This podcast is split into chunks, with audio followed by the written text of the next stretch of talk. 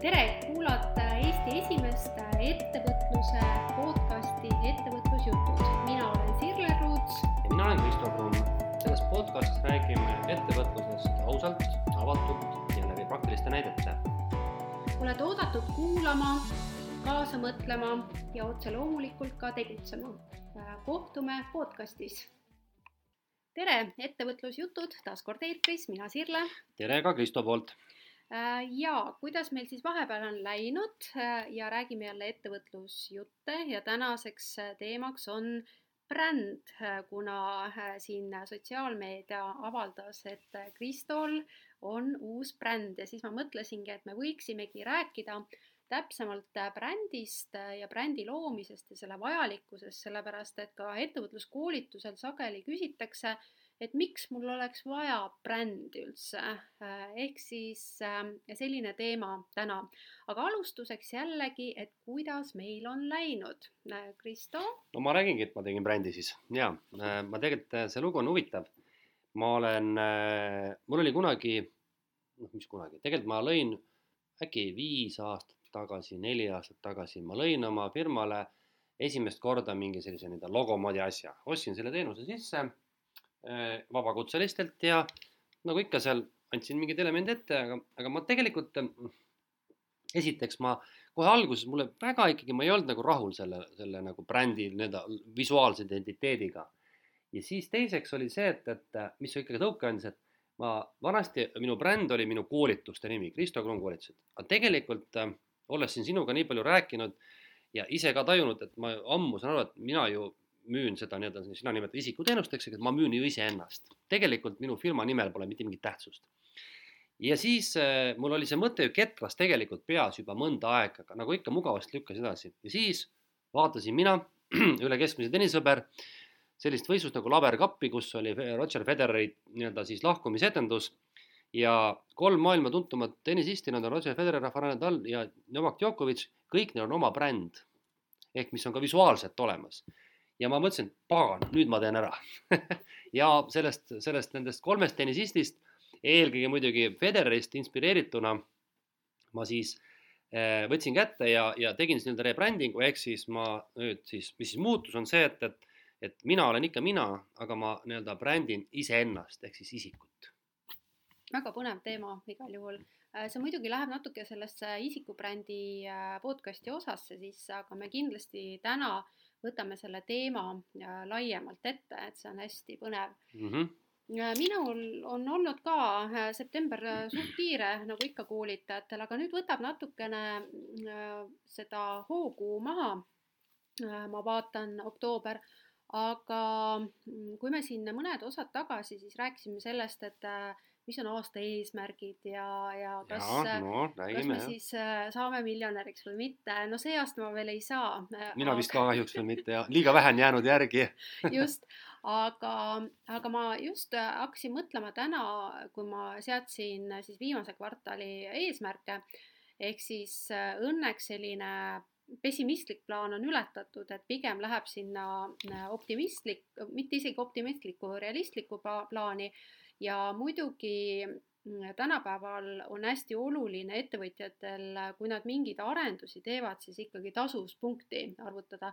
ja mina ka tabasin ennast täna sellelt, et, et ma arvutasin oma siis järgmise kvartali tegevuste raames ka välja tasuvuspunktid, et kui palju ma pean müüma ja sealt siis jõudsin ikkagi selleni, et need turundustegevused peavad olema teistsugused kui võib-olla varasemalt äh, on olnud. no vot siis, siis on nagu õige teema rääkida, sa oled muidugi ilgelt tubli, sa teed nii põhjalikke arvutusi, mina panen nagu puusalt vaatan, tuleb nagu tuleb. Ja noh, muidugi ma tean ka, mul on see pigem see tasuvuspunkt niimoodi, et ma tean need miinimumkulud, mis peab tasa saama. Ja eks ma üritan neid ületada. Ja minul on alati see eesmärk, mul on hästi tagasihoidlik eesmärk, ma tahan, et aasta lõpeks kasumiga. Sest minu, mina võtan ettevõttest, et ikkagi nagu palju ju raha välja, kas palgana või kasumina või kuludena ja seetõttu ma üritan niimoodi lihtne, et aasta lõpuks oleks mingisugune kasum, et siis on kultuur näidata, aga ma ei aja taga seda, seda kasumit, tegelikult ma ju tean, et, et minu kasum on kordades suurem, aga ma võtan teda lihtsalt jooksvalt välja läbi siis tegevuskulude.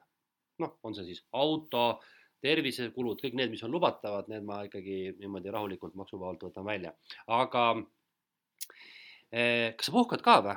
me siin rääkisime puhkusest ükskord mm, talvel.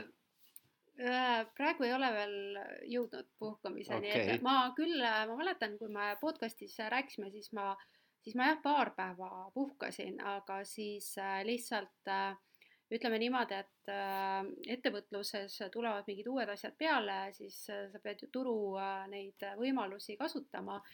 ja nüüd mul on siis järgmine, kui ma teen selle, selle niisuguse realistliku äh, plaani ära, et siis äh, tegelikult äh, siis võiks puhata. okei okay,, väga hea. aga lähme siis brändi juurde, et ja. kui sa ütlesid, et sul on vaja teistsugust turundust teha selleks, et teistsuguseid tulemusi saavutada. noh, mina nagu natuke alustasin, eks ole. mul väike nii-öelda turundustöö praegu käib, aga et räägi siis, miks sa siis seda kõike tahaksid teha, et mis see, see brändimine sulle siis nagu annaks või et, et kuidas mm -hmm. mõelda? jaa mm, Äh, ütleme niimoodi, et mul on kaks brändi olemas. Äh, mul on äh, olemas siis Hakkan ettevõtjaks ja see töötab päris hästi, sellepärast et kui siis ennem Covidit ma käisin näiteks ettevõtluskonverentsidel kas esinemas või siis seal lihtsalt suhtlemas teiste ettevõtlike inimestega, siis, siis sageli ikkagi oli seal saalis neid inimesi, kes teadsid, kes mind otseselt ei teadnud aga nad teadsid seda Hakkan ettevõtjaks äh, brändi. Äh, ja, ja seetõttu, et ma olin ise hästi ta-, tagaplaanil. Äh, nüüd, kui ma mõned aastad tagasi siis tõin välja oma siis eraisiku brändi Sirle Roots, kus kohas on ilusti logo tehtud, siis, siis see oli tükk aega noh, varjus, et ta oli küll kodulehena olemas, aga ma seda niimoodi ei brändinud. ja, ja nüüd, kui siis ma võtsin selle kätte, et hakkasin sellega tegelema, siis, siis tegelikult ma isegi vaatan, et minu see enda äh, kodulehe või brändi kaudu tuleb palju rohkem näiteks äh, mentorluse tellimusi, äh, siis koolitusele kliente et näiteks kui ma vaatan viimase kahe kuu äh, neid kliente, kes mulle koolitusele on tulnud, siis vähemalt pooled on tulnud tänu minu persooni brändile. ehk siis äh, ma ja noh, see siis, mida ma nüüd plaanin teha ühe uue toote näol, äh, siis ma, mul on praegu kiusatus või küsimus just endale, et kas ma teen seda läbi enda persooni brändi või siis läbi sellise koolitusbrändi aga tõenäoliselt ma teen läbi persooni brändi, äh, sellepärast et see toode on hästi seotud minu endaga.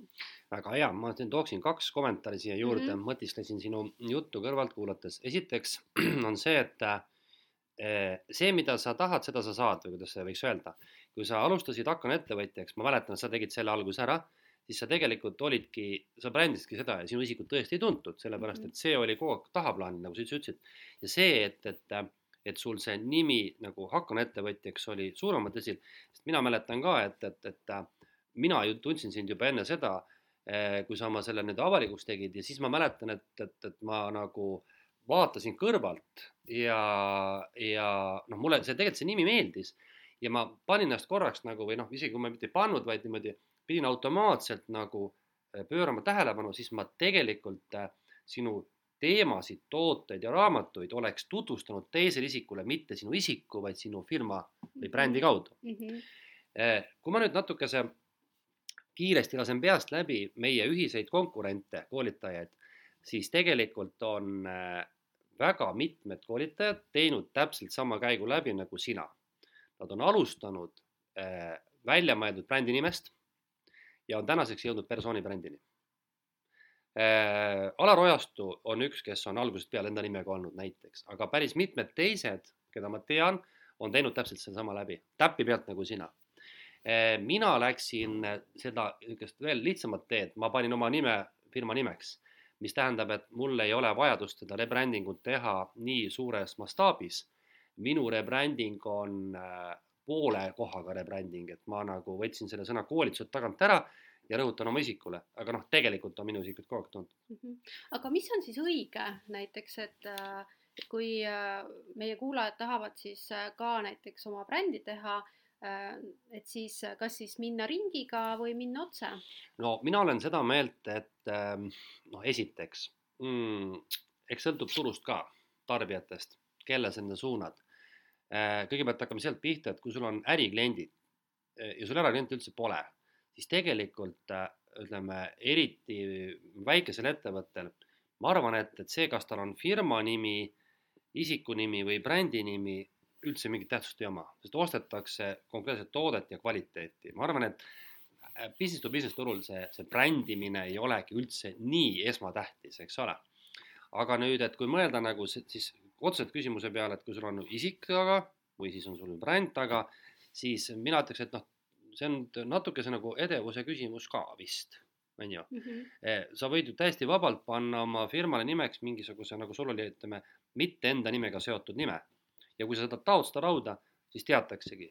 see tuleb kasuks võib-olla näiteks siis, kui sa tahad suuremat ettevõtet teha ja sul on võrdsed partnerid, noh näiteks ütleme, et kui kui me sinuga koos lööks ühe firma, siis ma arvan, et oleks aus, et me paneme mingi kolmanda nime. Ole, ei pane nagu, et sina ei taha minu nime all töötada, mina ei taha sinu nime all töötada, siis paneme mingisuguse hoopiski mingi, ma ei tea, mis iganes tarkurid, eks ole. aga kui sa oled nagu nii edev inimene ja nii hea bränd, siis sa võid vabalt ju enda nime alla ka töötada. no ma just lugesin, lugesin Martin Lindströmi viimast raamatut ja temal on näiteks, tema firma nimi on Martin Lindström, ma ei tea, mingi, mingi, mingi veel midagi sinna juurde ehk siis temal on niimoodi, et tal on firma, kus töötab hulk inimesi, aga tema on brändinud selle oma nimega mm. -hmm aga äh, võib-olla võtame sammu isegi tagasi, me lähme, läksime kohe sellesse teemasse sisse, et mis asi üldse bränd on, et äh, need, kes ei ole näiteks äh, sellega üldse kursis, et mis mm -hmm. brändist nad siis nüüd räägivad siin. et võib-olla ma alustan siis mm -hmm. ühest mõttest, et bränd noh, minu arvamusel on siis kaks asja kohta kokku, et üks on see visuaalne pool, aga teine on see noh, lubadus kliendile või see tunne, mis kliendis tekib, et mis sa arvad?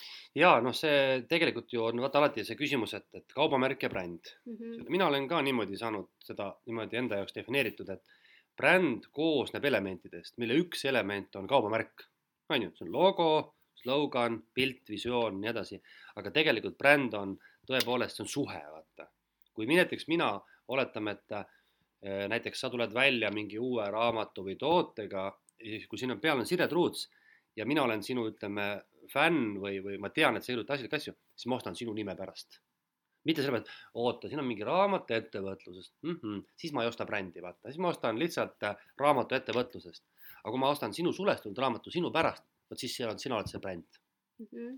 no seetõttu näiteks äh, Eestis, äh, kui me räägime raamatuturust, siis ongi see, et need, kes on äh, sellised väga tugevad persoonibrändid, nad müüvad sisuliselt tuhandetes eksemplarides ja need, kes ei ole, need müü-, müüvad võib-olla sadu mm -hmm. raamatuid äh,. väga hea, ehk siis äh, bränd koosneb erinevatest elementidest, et äh, Äh, võtame selle visuaalse poole, et natuke sellist struktuuri meie mhm. vestlusele mm -hmm. siin luua. ehk siis tavaliselt siis on niimoodi, et tehakse kõigepealt siis logo. kõigepealt tehakse logo jah mm, -hmm. Tegelikult isegi tehakse nagu kaubamärk selleks, et eristada ühte toodet teisest mm. -hmm noh, minul klientidega on selline kogemus, alguses äh, siis üldse on mõt-, mõte või küsimus, kas üldse teha logo või mitte. noh, mina olen alati soovitanud teha, sellepärast et läbi selle ikkagi hakkab klient kuidagi eristama äh, neid tooteid või teenuseid üksteisest, kui inimene ei taha enda persooni tuua mm. -hmm. toote puhul, vaata, ma olen nõus, seal peab olema mm. -hmm. teenuse puhul see võib-olla on nüüd maitse küsimus, aga toote puhul ma arvan ka, et see on ju mhm. elementaarne, kui sa teed oma käsitöö seebi, noh, noh, ikka sa tahad ju, et noh, et see on nagu sinu seebid, eks eristad, noh, täitsa mõistlik muidugi mm. -hmm ja seejärel, kui on logo olemas, äh, siis äh, selle logo saab siis registreerida kaubamärgina. ehk siis see jada on sisuliselt selline, teinekord mul koolitusel küsitakse, et kas ma peaksin kohe registreerima kaubamärgi. no ma ei tea, kuidas sinu arvamus, mina üldiselt ei soovita kohe teha, välja arvatud, kui tõesti ei ole selline, et on väga konkurentsitihe valdkond, on kopeerimisoht, näiteks minnakse rahvusvahelisele turule, et hiinakad kohe hakkavad kopeerima, et siis, siis võib-olla mitte kohe, sest minul on endal kogemus, et need noh, logod, mis minul on, siis näiteks see Hakkan ettevõtjaks logo ei ole minu esimene logo nagu sinulgi, ehk siis see esimene ei kõnetanud äh, mind absoluutselt ja, ja siis peale vist paari aastat tegevust, äh, siis ma jõudsin selle logoni, mis mulle väga meeldis, et siis ma ise tunnetasin oma seda äri ja ma oskasin ka disainerile öelda, mida ma, äh, mis väärtust ma kliendile pakun, on ju. Mhm, täitsa nõus sinuga, et just nimelt seesama moment, et tead, ma olen ka neid logosid näinud, noh, ma ei taha nüüd kellegi halba öelda, aga noh, mõne puhul võiks öelda küll, et katsetame veel eks ole, noh, see visuaal lihtsalt ongi selline, täpselt õige. ja seal on kaks asja, esiteks on see, et noh, et ta on võib-olla kohmakas ja teiseks ta eh, on sinu esimene uitmõte. aga ta ei pruugi jah, tõesti olla kooskõlas sinu tegevuse ja toote-teenusega. aga noh, muidugi nüüd ega siis ettevõtted ka muudavad oma logosid aeg-ajalt ja teevad siis uuesti selle kaitsmise. et noh, see on noh, jah, ütleme nii, et, et et kui sa tõesti nagu tahad hirmsasti selle kaitsmise ära teha, why not tee ära, eks ole, patendiametis ma isegi just tea, mis see maksab, mingi viissada eurot äkki praegu või? jah, võib-olla isegi nüüd kõrgem, sest äh, riigilõivud nüüd jah, tõusid, eks ole mm, -hmm. ta ei ole mingi miljonid, eks ole ju. et äh, aga jah, see, et, et noh, kui sa nagu tead, et sa kohe varsti hakkad seda uuendama, muutma, no siis võib-olla oota, sest ma hästi ei usu, et kui sa Eesti turul tegutsed, keegi kohe hakkab varastama sinu logo ära jah, et, et ma ka Eesti turul, noh, siin on olnud äh, niisuguseid kaubamärkide nii-öelda ülevõtmisi äh, televisiooni valdkonnas, kus kohas siis, need ei olnudki isegi televisioon kui selline, aga saadete äh, siis äh, kaubamärkide ülevõtmine on olnud, aga üldiselt jah, Eestis ei ole seda probleemi. nii et ühesõnaga visuaalse poole pealt ongi see, et kui on plaan sellist brändi teha, et siis peakski alustama sisuliselt logost ja tegelikult ka ju persooni bränd võiks, võiks olla logoga, et mulle küll väga meeldis, kui mulle disainer joonistas selle minu logo, et ma kuidagi tundsin seost rohkem selle oma äriga, et kuidas sul? ja, ja ikka, ikka, noh, mul on ka mingi logo element, näed siin olemas, eks mm -hmm. ole, mhm. et mul on niimoodi, et, et minu logo on ju selline, et noh, mul on siin laua peal näha see, et mul on kaks elementi, on siis, eks ole, see nii-öelda, see on nagu täislogo, mida ma siit praegu näitan sulle, eks ole, siis tegelikult ma saan kasutada ainult seda mm. -hmm ja see ongi nagu minu trikk, et, et kui mul on isiku nimi, siis on nimi pluss mingi sümbol.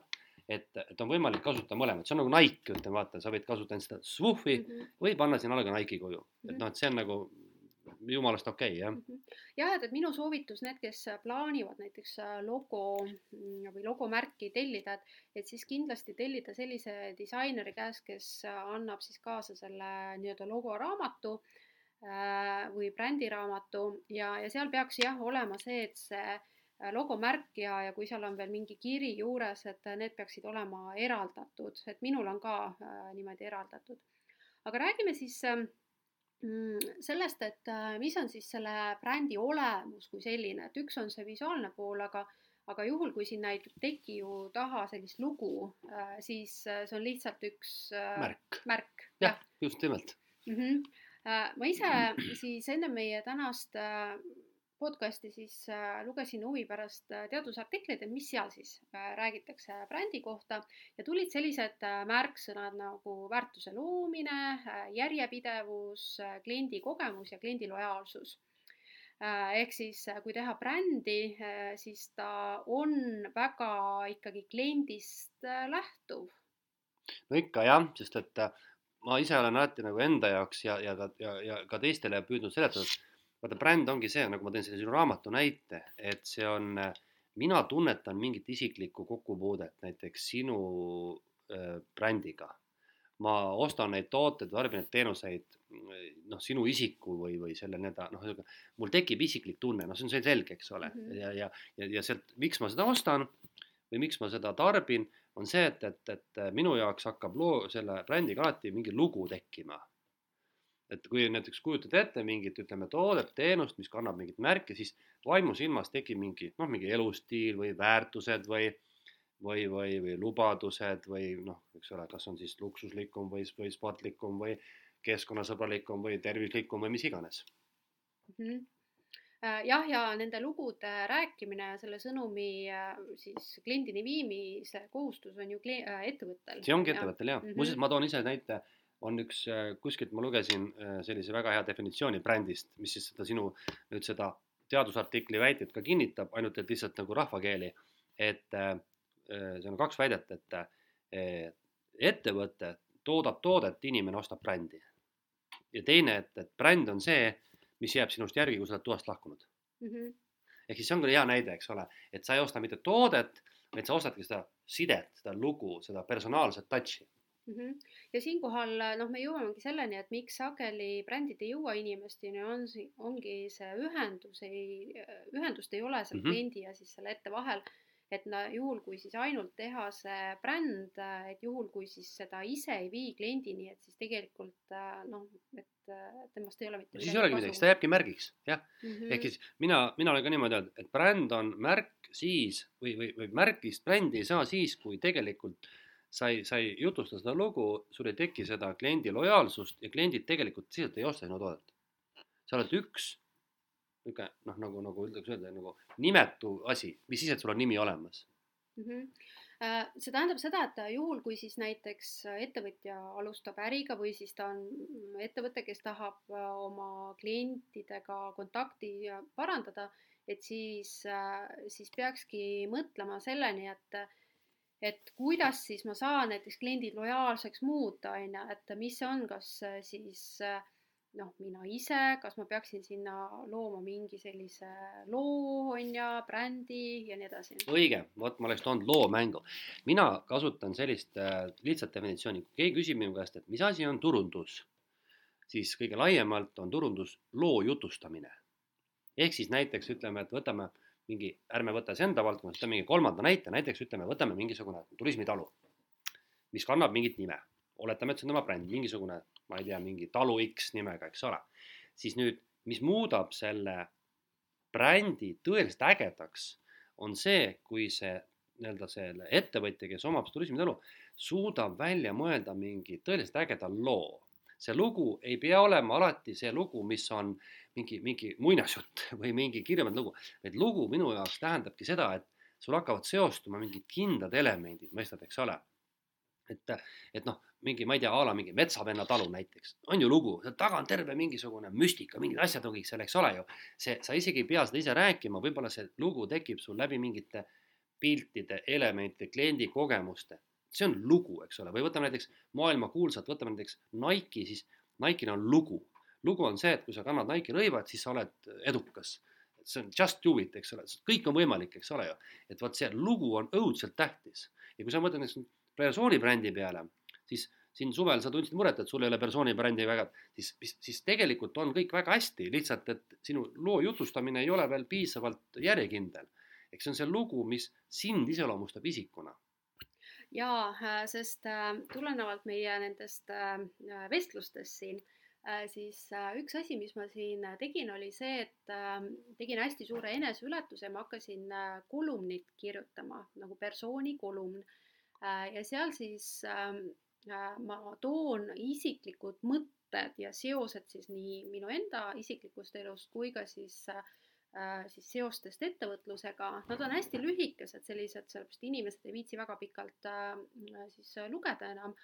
aga ma ütlen ausalt, minule, kes ma olen sisuliselt kümme pluss aastat müügis olnud ja kuus aastat või seitse aastat ettevõtja täiskohaga, mul oli hästi suur eneseületus mm. -hmm, no vot siis. jah, et, et see oli jah hästi huvitav, et ma tükk aega mõtlesin, kas ma teen, teen seda või mitte. aga nüüd vaata, kui me paneme selle nüüd ettevõtja seisukohta, siis tegelikult ma arvan, et võtame sellesama turismitalu tüübi nüüd näiteks, oletame hüpoteetilise. ma arvan, et, et kui sellel inimesel on nii nagu sul oli suur eneseületus nagu endast hakata avama, enda lugu rääkima, on sul tegelikult sama raske hakata seda oma ettevõtte lugu rääkima. oh, mis mul seal öelda, noh, käivad kliendid ja noh, tule ikka, eks ole, tegelikult sa pead looma ju, mina ütlen, ma rääkisin sellest isikubrändil ja ma ütlen, et see on tegelikult, ma tõmban võrdusmärgi hästi palju isikubrändi ja asjabrändi vahel. seesama nii-öelda kuvand, mis sinust tekib näiteks sinu klientidele on tegelikult täpselt sama, kui mis kuvand tekib sinu ettevõttes sinu kliendil, ehk siis see lugu, mida sa räägid, on sinu ettevõtte kuvand.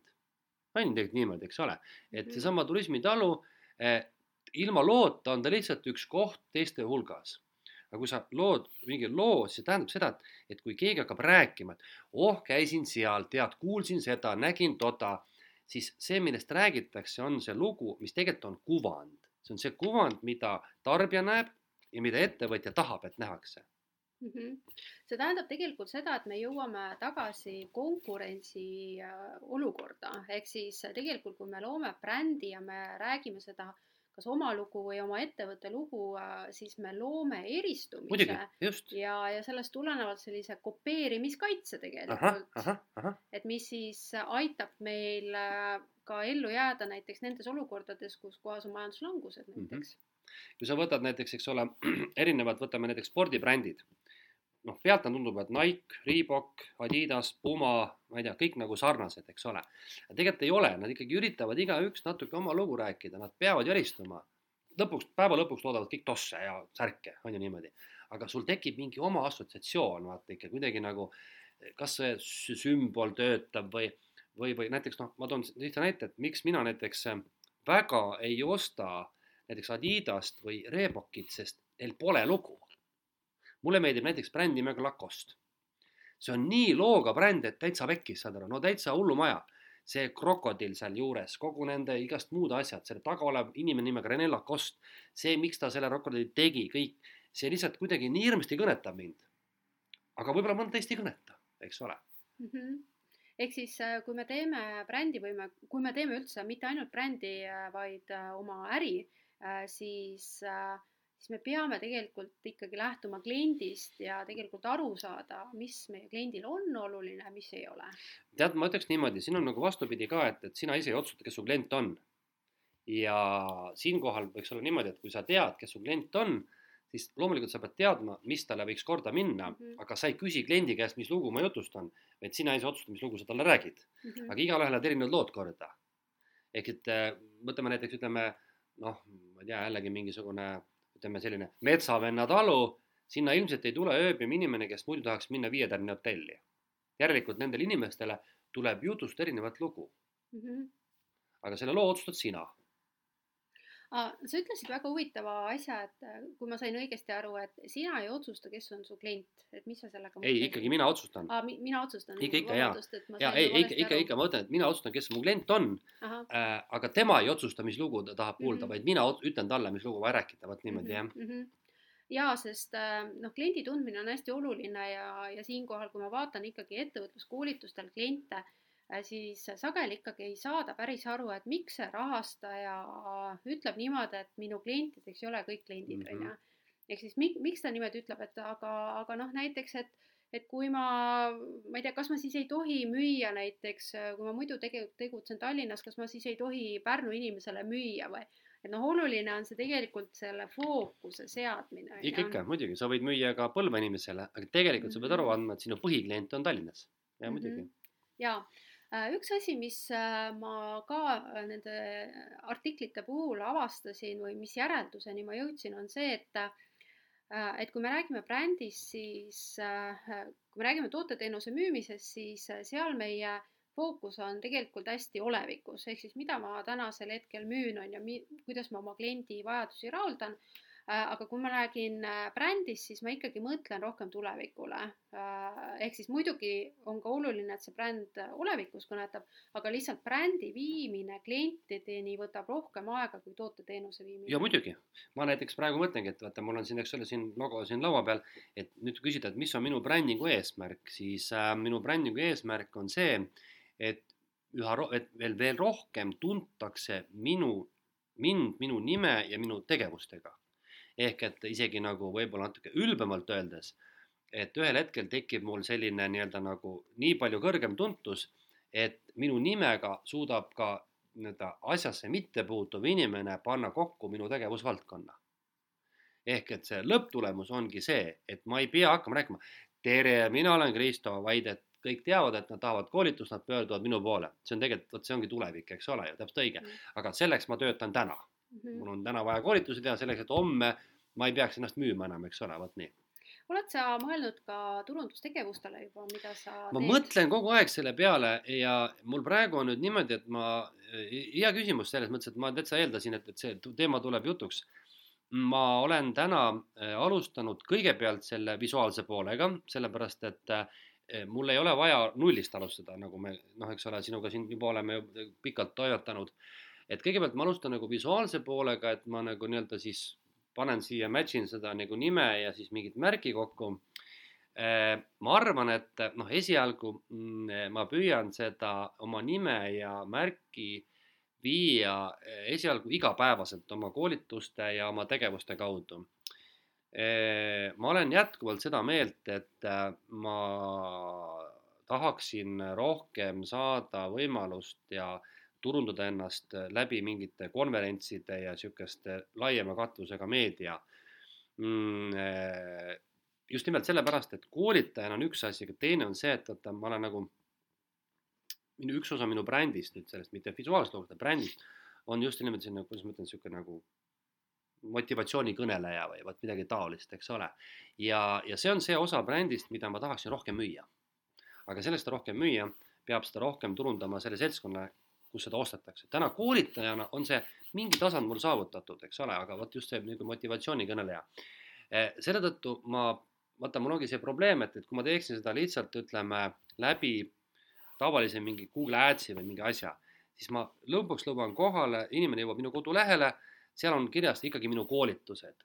kui ma kirjutan, et ma olen motivatsioonikõne, sedakaudu ei osteta seda, vaata, see ei ole niisugune koht, vaata, eks ole. ehk nüüd tekib mul selles mõttes dilemma, et et mul on äh, nagu lihtne teha sotsiaalmeediaga turundust, ma tean, et läbi teatud kindlate koolitustega töötab, aga ma tahaks müüa ja turundada hoopis teistmoodi ja nüüd äh, ma arvan, et, et üks osa minu turundust, mida ma olen tegelikult üsna vähe teinud, on eh, nii nagu persoonibrändi puhul on isik, siis minu turundus on isikupõhine. piltlikult öeldes, see kõlab võib-olla nagu banaalselt, aga kui sa näed mingit venda, lähed, paned käe pihku, tervist, ma olen Kristo Krumm. surud ennast igale poole sisse, noh, saad aru, see kõlab nagu, nagu lollakalt natukene, aga see tegelikult nii on, et isiklikud suhted. See tähendab seda, et täna oli Äripäeva äriplaani jah, ma oleks pidanud seal olema, ma oleks pidanud seal olema, see õige, igale vennale lähed läbi ligi, noh, räägid, jah, vot, vot umbes niimoodi, saad aru, eks ole.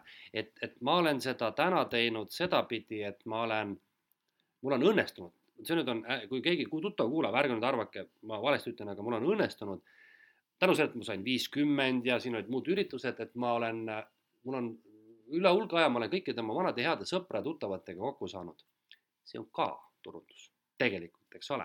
aga ütleme nii, et, et noh, ma ei taha, et minu sõbrad peaksid mind ostma sellepärast, et noh, et mulle head meelt teha, vaid pigem, et, et see suust suhu turundus, see isikupõhine turundus, ma arvan, et see on minu järgmine kõige suurem fookus see tähendab seda, et järgmiseks aastaks peaksid panema ürituste kava paika ja vaatama, et kus, kus kohas no näiteks, noh jah, kas see nüüd on niimoodi käib, aga ütleme nii, et jah, et, et pigem see turundus täna oleks mul äh, just see isiku, isikute põhine, see isiklik müük, iseenda müük äh,, enda nii-öelda nime tutvustamine, vot seesama asi.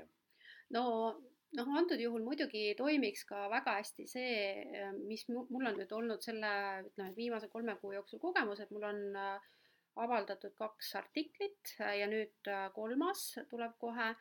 ja sisuliselt, äh, kuidas ma nagu Äripäeva sisse sain, oli niimoodi, et ma lugesin artiklit, mis nagu kõnetas, mul oli midagi öelda ja ma lükkasin kõik asjad eemale ja ma kirjutasin noh, ennem, et mitte teha tühja tööd, kirjutasin selle artikli ajakirjanikule, ütlesin, et mul on midagi öelda, kas ma teen artikli, ta ütles jah ja mul oli järgmised kuus tundi, ma pühendusin ainult selleni ja see avaldati kohe.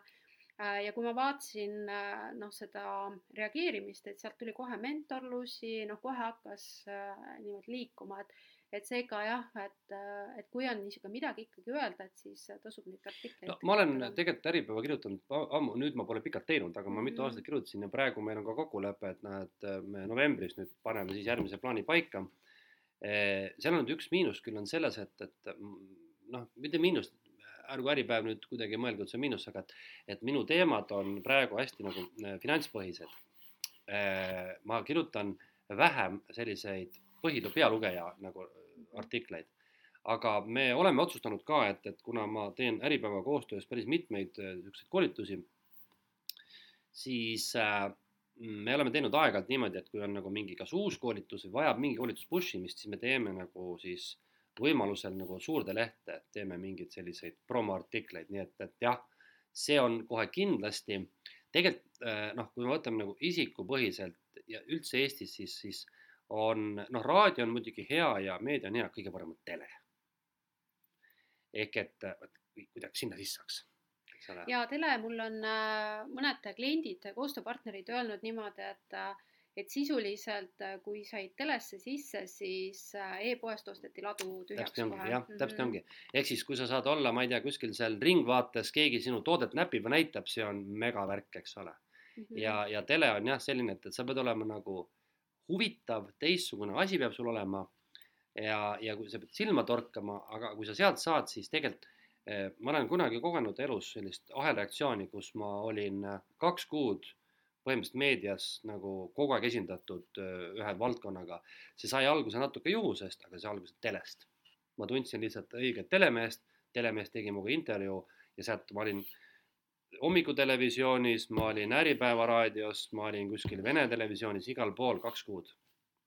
see jäi küll hoopis teise valdkonda, see oli juba kakskümmend aastat tagasi, aga see on minu kogemus, kuidas on võimalik nagu võimendada jah. Mhm. et turunduse mõistes Eestis vähemalt on siis jah, see ütleme, see ei puuduta ainult mitte mind ega sind, vaid see puudutab tegelikult iga ettevõtjat ja.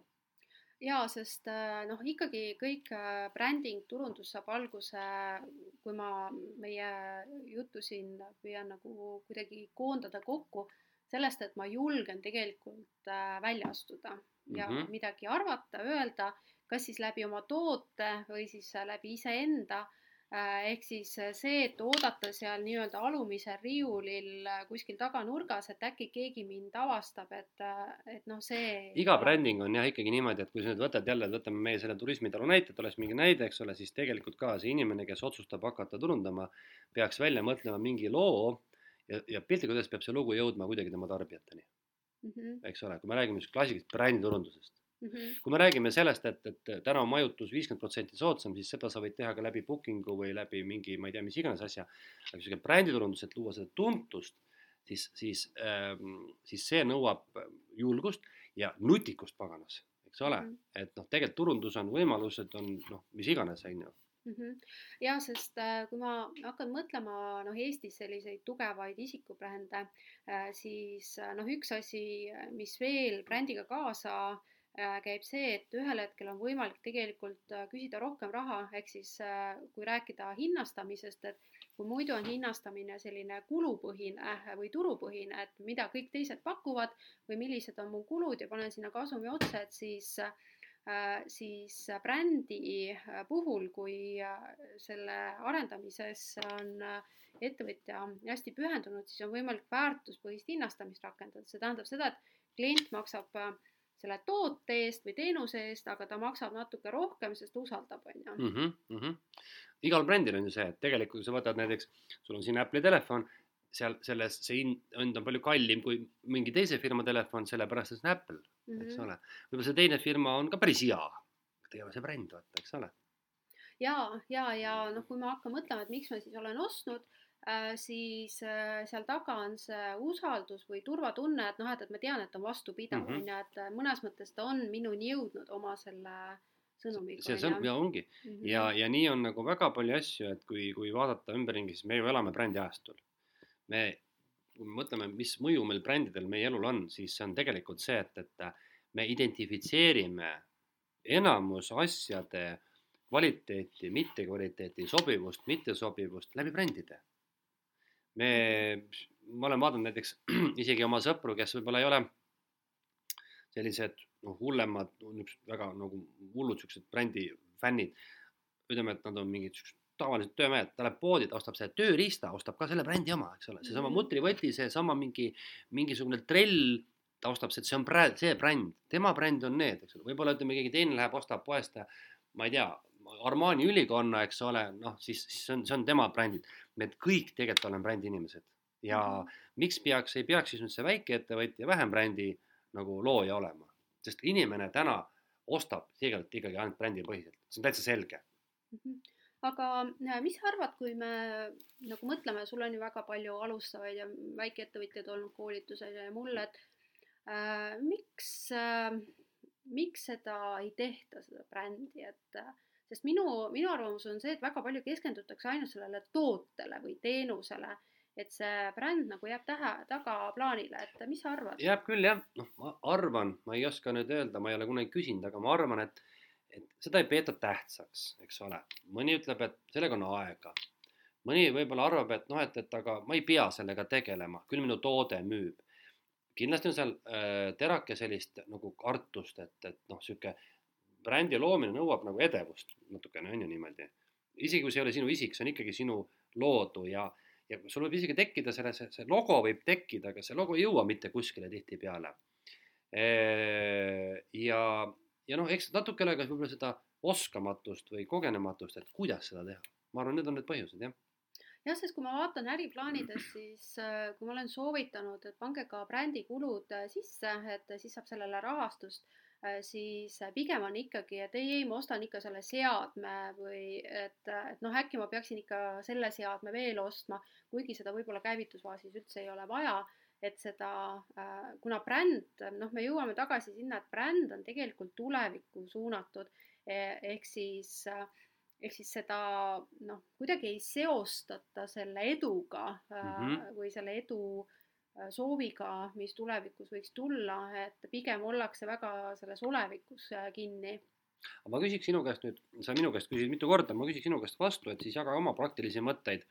et kui sa täna mõtled, et, et oletame, et sul on nagu kaks brändi, hakkan ettevõtjaks ja siis sinu enda nimi, sa ütlesid, saad enda nime hakata rohkem turundama, et mida sina täna ei ole veel teinud, et äh, või, või, või millisena sina näed, et mis, mis see sinu brändi nagu tulevik võiks olla, mis tema nagu mõju, kui kõrgele ta võiks minna, oled sa mõelnud selle peale? olen mõelnud küll ja, ja see on tegelikult praegu noh, mul hästi laual küsimus, äh, sellepärast et äh, ütleme niimoodi, et äh, mul on aja jooksul äh, noh, niisugune erinevaid teadmisi, kompetentse on ju tekkinud ja üks nagu tunne on see, et kuidagi äh, see kokku viia, noh, mulle väga meeldib äh, ettevõtluspsühholoogia äh, pool, on ju. ja ma näen, et tegelikult noh, ma ei taha nüüd kuidagi halvasti öelda meie kuulajatele või ettevõtjatele, siis mina näen, et ettevõtlusega alustamisel enamus juhtudel jääb puudu sellest psühholoogilisest valmisolekust, on ju ja mida ma ei ole siiani teinud, on see, et ma olen ju läbinud äh, täismahus terapeudi õppe, on ju, ja kui mul tuleb klient esimest korda mentorlusse, näiteks ta tuleb äh, saja kuuekümne või sajatunnisele koolitusele, ta tuleb esimest korda, korda mentorlusse, ma juba tean tegelikult, äh, mis takistused seal on, on ju. ja ma olen olnud sellega kapis, ehk siis ma ei ole mõnes mõttes, ma olen hästi võtnud selle ettevõtluskoolituse raamistiku, et ma käin seda tüüpilist programmi äh, ja ma ei ole sealt kõrvale kaldunud, aga ma peaksin rohkem oma arvamust avaldama, et ma ei ole seda teinud. muuseas, väga hea tähelepanek. tead sa, sellega on niisugune lugu, ma ei tea nüüd, see läheb võib-olla brändi teemast natukese kõrvale, aga see on hea koht sellest rääkida. üks tohutult suur eneseületus ei ole üldse mitte see brändi loomine, vaid tegelikult on julgeda teistmoodi eh, olla, teistmoodi mõelda, teistmoodi rääkida, et kui me mõtleme näiteks toote peale, siis toote puhul tähendab seda, et sa julged selle toote totaalselt teistsuguse teha. kui me räägime teenusest ja isikupõhisest teenusest, siis selles mõttes on see tohutu julgus eh, rääkida asju teisiti.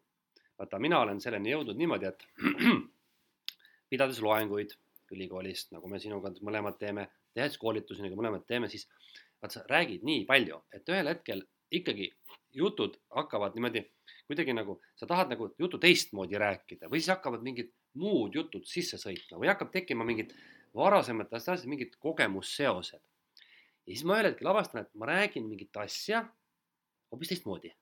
kui seda võib-olla on, olen ise varem rääkinud või veelgi enam, kuidas seda räägitakse teiste inimeste poolt, siis ma mõtlen, kas see jutu sees või pärast, et okei okay,, ma rääkisin täna mingist ettevõtlusest, näiteks oletame, ma rääkisin teise nurga alt.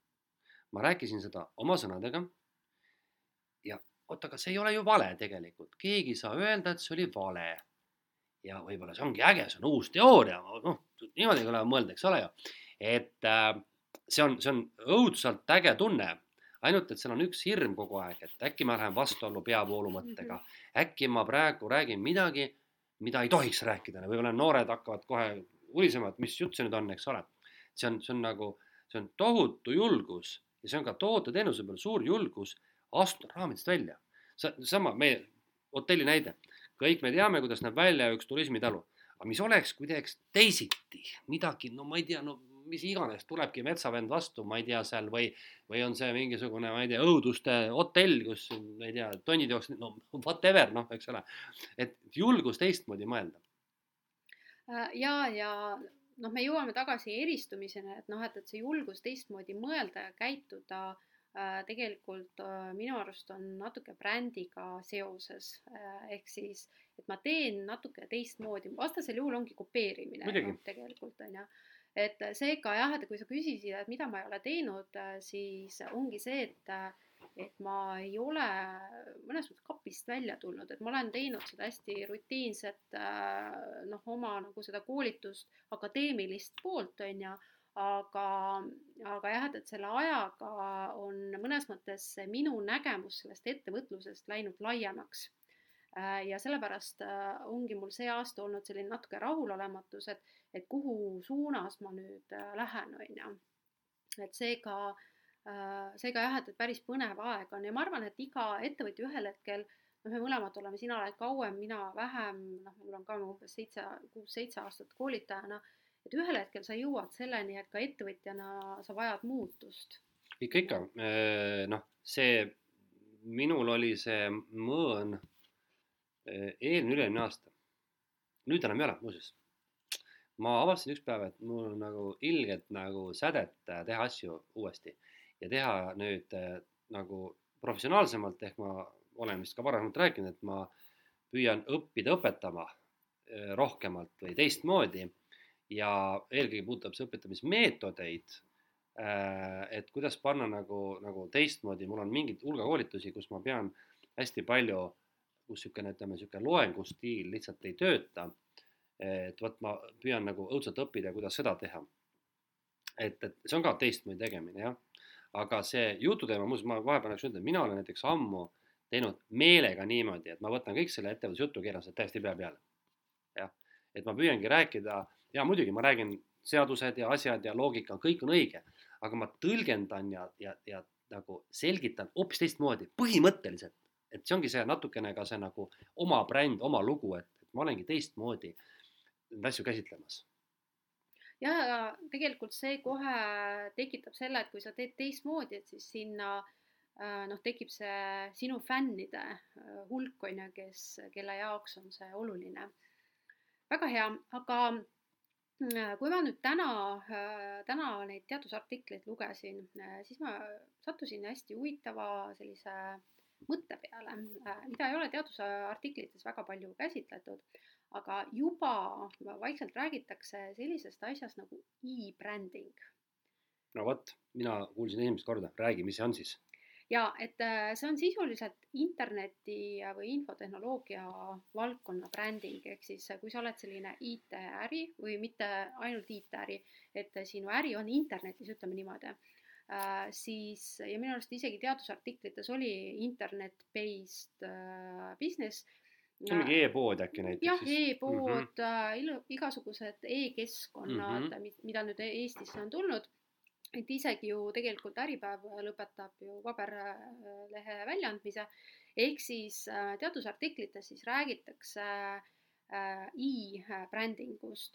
siiani ei ole tehtud äh, neid äh, uuringuid, vaid pigem on nendes paaris artiklis, mida ma leidsin, on käsitletud just seda teoreetilist poolt, aga mida see siis tähendab? seal on, mis mulle väga meeldis, et seal on nagu neli etappi või neli osa, mis on siis e-brändingus. ta on hästi sarnane mõnes mõttes digitaalse turunduse või sellega, on ju aga, aga mulle meeldis see konkreetsus, üks osa on see, et sa pead klienti tundma, aga mitte võib-olla sellisel traditsioonilisel kujul, aga see, et sa tunned järjepidevalt klienti, see tähendab andmeturundust, andmetel toetavat turundust, andmeanalüüsi. ja kui me võtame maailma kuulsamaid ju brände, siis Amazon äh,, Apple äh,, siis Google äh,, siis noh, nemad ju kõik äh, toetuvad tegelikult sellele e-brändingule ehk siis, äh, ehk siis see on metsik äh, andmetöötlus. Äh, ma vaatasin kas aasta tagasi või natuke rohkem Amazonist filmi ja seal siis oli, et kuidas näiteks üks kliendi teekond võeti, ei, ühe teenuse loomiseks, minu arust oli see Prime, tehti ka saja kuuekümne persona analüüs detailne.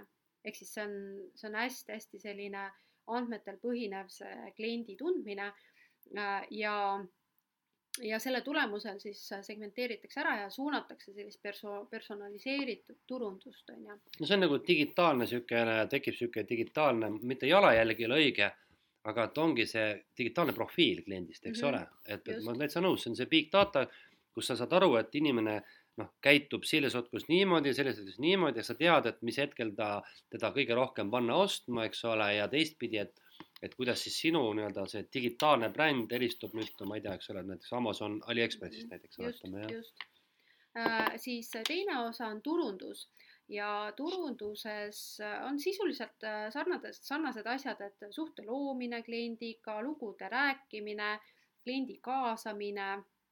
Äh, aga mis seal siis äh, oli hästi huvitavalt välja toodud ehk siis e-brändingu puhul ei ole turundus ühepoolne, ehk siis ma lähen näiteks telesse ütlen äh, midagi tarka ja siis äh, kliendid äh, reageerivad, mitte ei reageeri.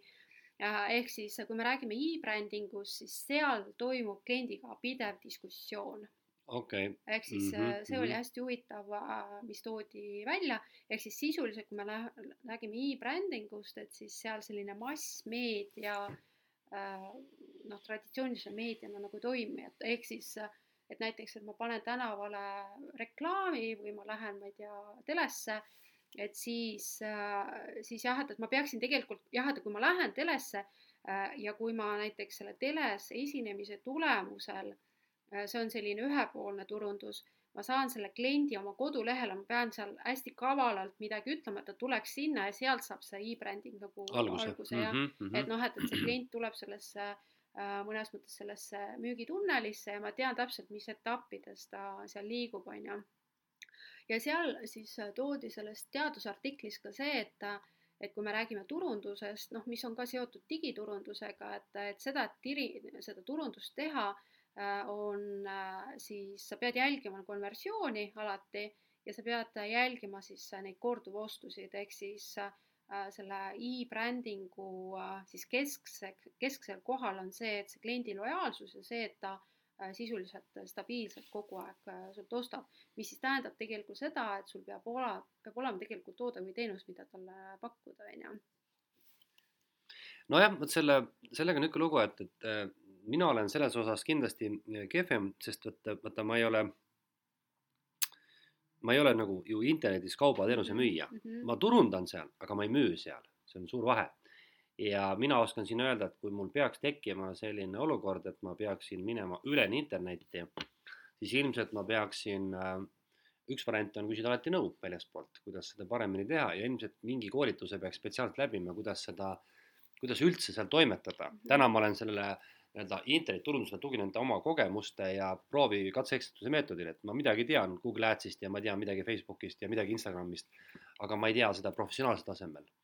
et äh, mina ütleks siis kuulaja soovitus seda, et mine, ilmselt meie ei ole ka väga suured profid, et siis lugege ise juurde, et võib-olla aasta pärast oleme juba suuremad profid, sina oled rohkem meil interneti müüja, eks ole, et sina peaksid ilmselt õppima rohkem juurde seda jaa, äh, noh, ma olen õppinud ka ja selle tulemusel tegelikkuses, äh, noh, mul oli aasta tagasi siin mõte või poolteist aastat, et äkki keskenduks ka turunduse teemal, kuna mul on müügitaust hästi tugev, et et võiks selle digiturunduse juurde õppida ja siis, kui ma selle digiturunduse tervikliku koolituse läbisin, siis ma tegin otsuse, et ma ei taha sellega tegeleda.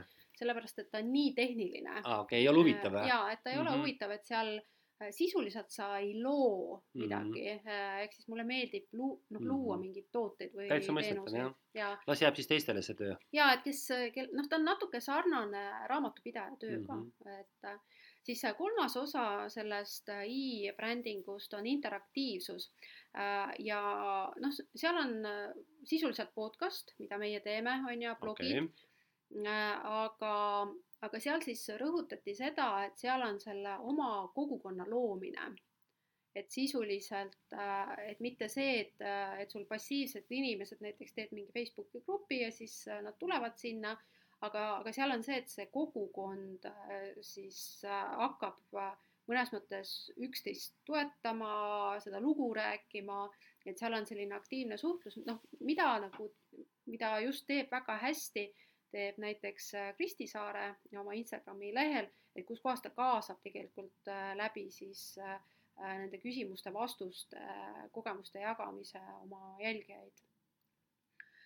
Ja siis neljas osa on sisu ja mitte sisu sisuturunduse mõttes, aga kui me räägime e-brändingust, siis seal on oluline bränd, siis see disain, äh, siis, siis see kliendi teekond, et, et noh, et ma mõnes mõttes disainin ja seda näiteks, kui on e-kaubanduses, siis, siis on see, et seal on hästi oluline, et mitu klikki see klient teeb, et ta noh, mõnes mõttes nagu Amazon on väga hea e-brändingu ettevõte, kus kohas sa teed selle kliki ära ja sa juba, juba ei saa aru, kas sa juba ostsid ära või tõenäoliselt okay. sa ostad mm -hmm. juba ära, kui sa selle ühe ja. kliki teed, on ju.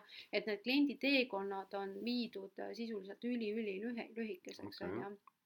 Aga see tähendab seda, et e-brändingus sisuliselt me ei saa ilma digitaliseerimiseta, automatiseerimiseta, et seega, kui on soov äh, näiteks luua interneti äri Äh, siis äh, et see ei ole päris niimoodi, et ma teen e-poe ja siis mul on internetiäri.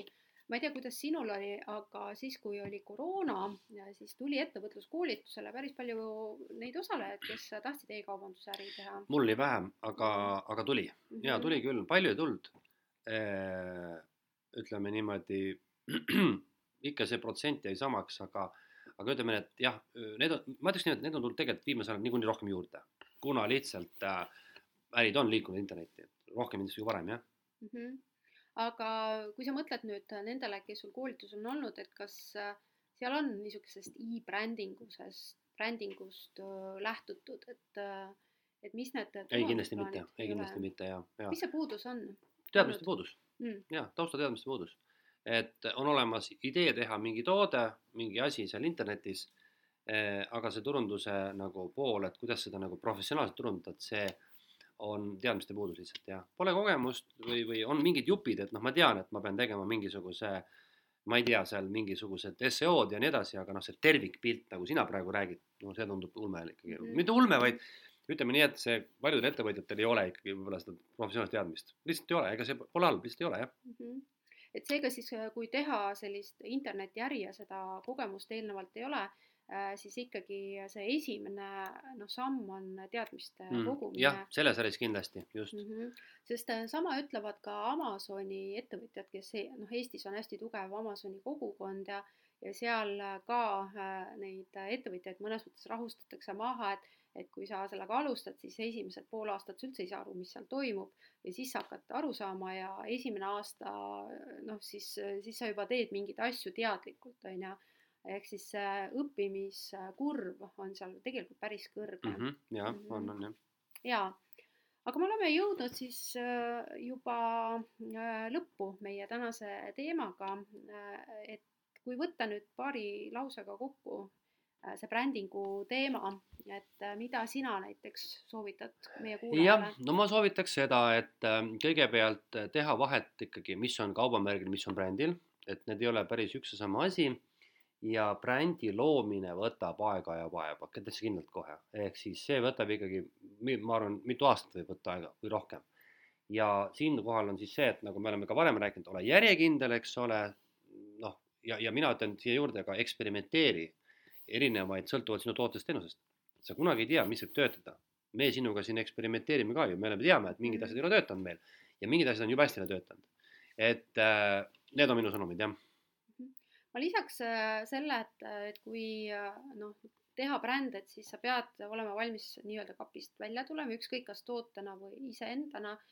Äh, ja, ja kui luua brände, siis noh, lugedes neid artikleid ja ise täna selle teemale mõeldes ja mõeldes just sellele, mida mina olen valesti teinud Äh, siis äh, ma ei ole ka vaadanud terviklikult, et ma olen teinud nagu üksikuid elemente, ma olen päris hästi teinud seda digiturundust, aga, aga, aga need kliendi teekonnad on ikkagi äh, noh, viletsad, ütleme niimoodi.